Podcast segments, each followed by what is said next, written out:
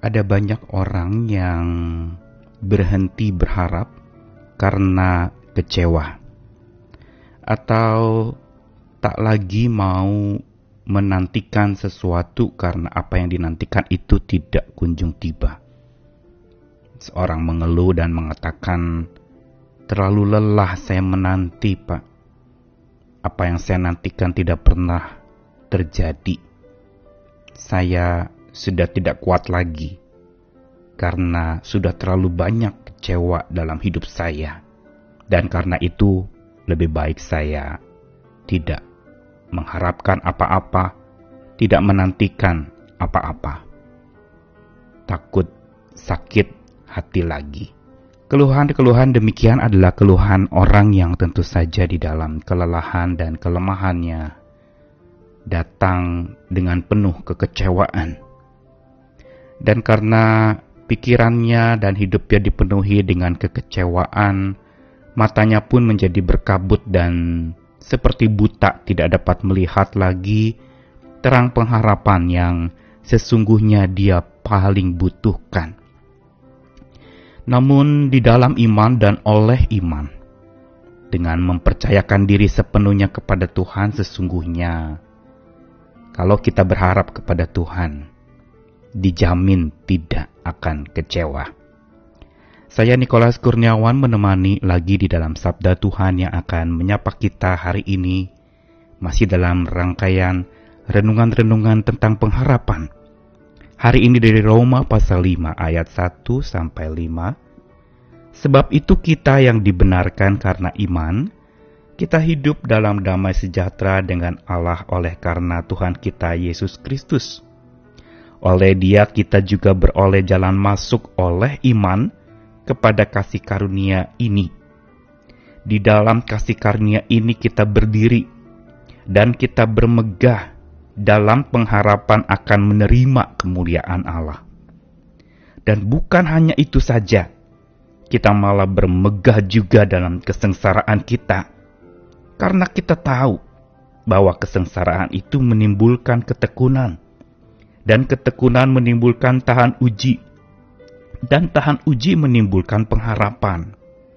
Dan pengharapan itu tidak mengecewakan karena kasih Allah telah dicurahkan di dalam hati kita oleh Roh Kudus yang telah dikaruniakan kepada kita.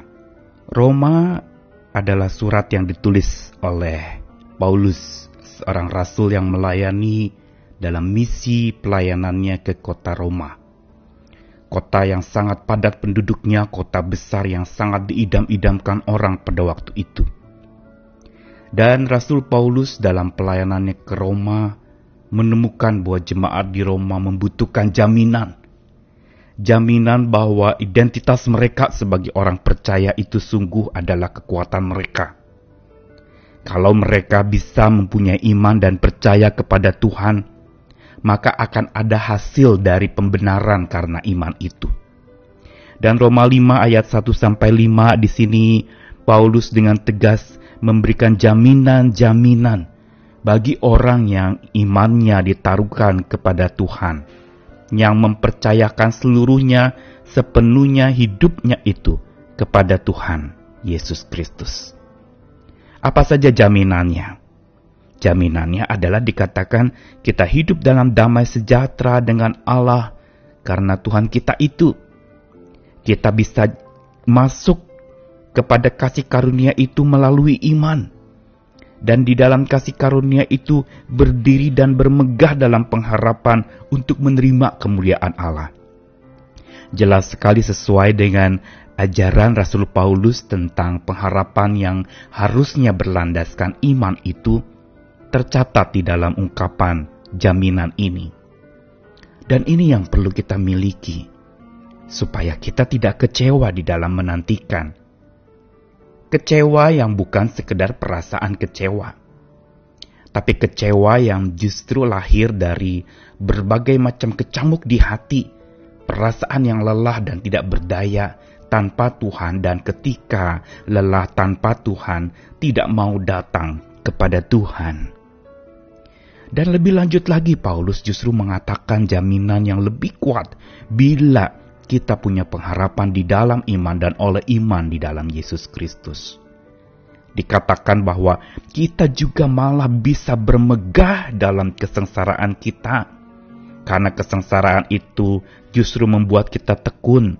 Dan tekun itu membuat kita tahan uji, tahan banting. Dan itu akan melahirkan pengharapan. Kembali lagi, Rasul Paulus mengingatkan bahwa orang yang percaya kepada Tuhan dan menaruh pengharapan hidupnya kepada Tuhan, maka dia akan terus-menerus berlimpah pengharapan itu dari imannya. Bahkan di tengah-tengah kesengsaraan pula, di tengah-tengah ujian hidup yang berat juga, kita bisa bermegah. Bermegah di sini bukan menjadi ponga dan sombong, tapi bermegah karena pengharapan itu sungguh menantikan kita.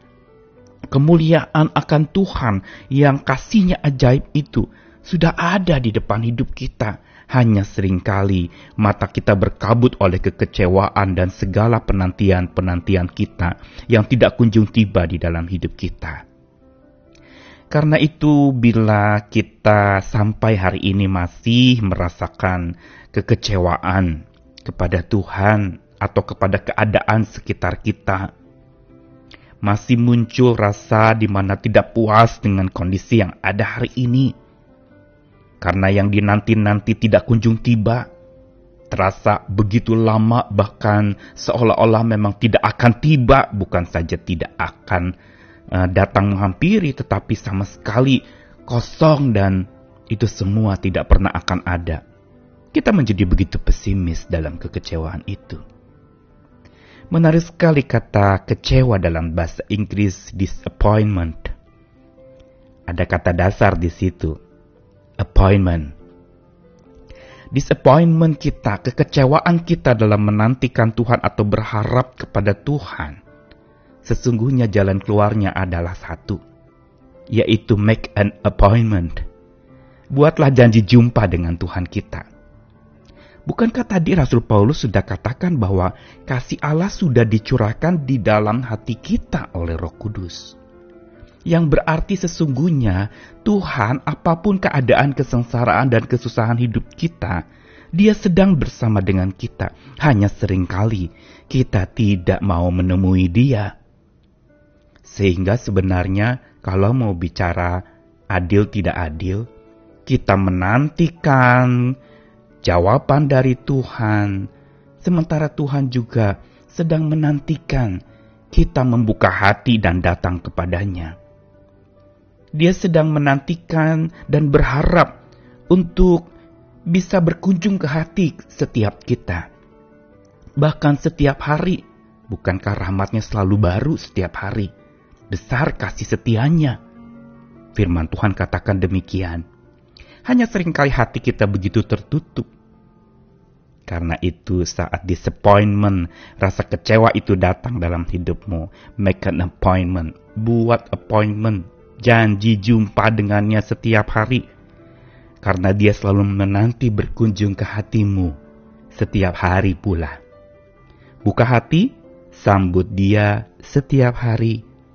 Dijamin pengharapan kepada Tuhan dan di dalam Tuhan oleh percayamu kepada Tuhan, dijamin tidak akan mengecewakan hidup kita. Janganlah henti menantikan Tuhan, karena Tuhan tidak henti juga menantikanmu. Amin.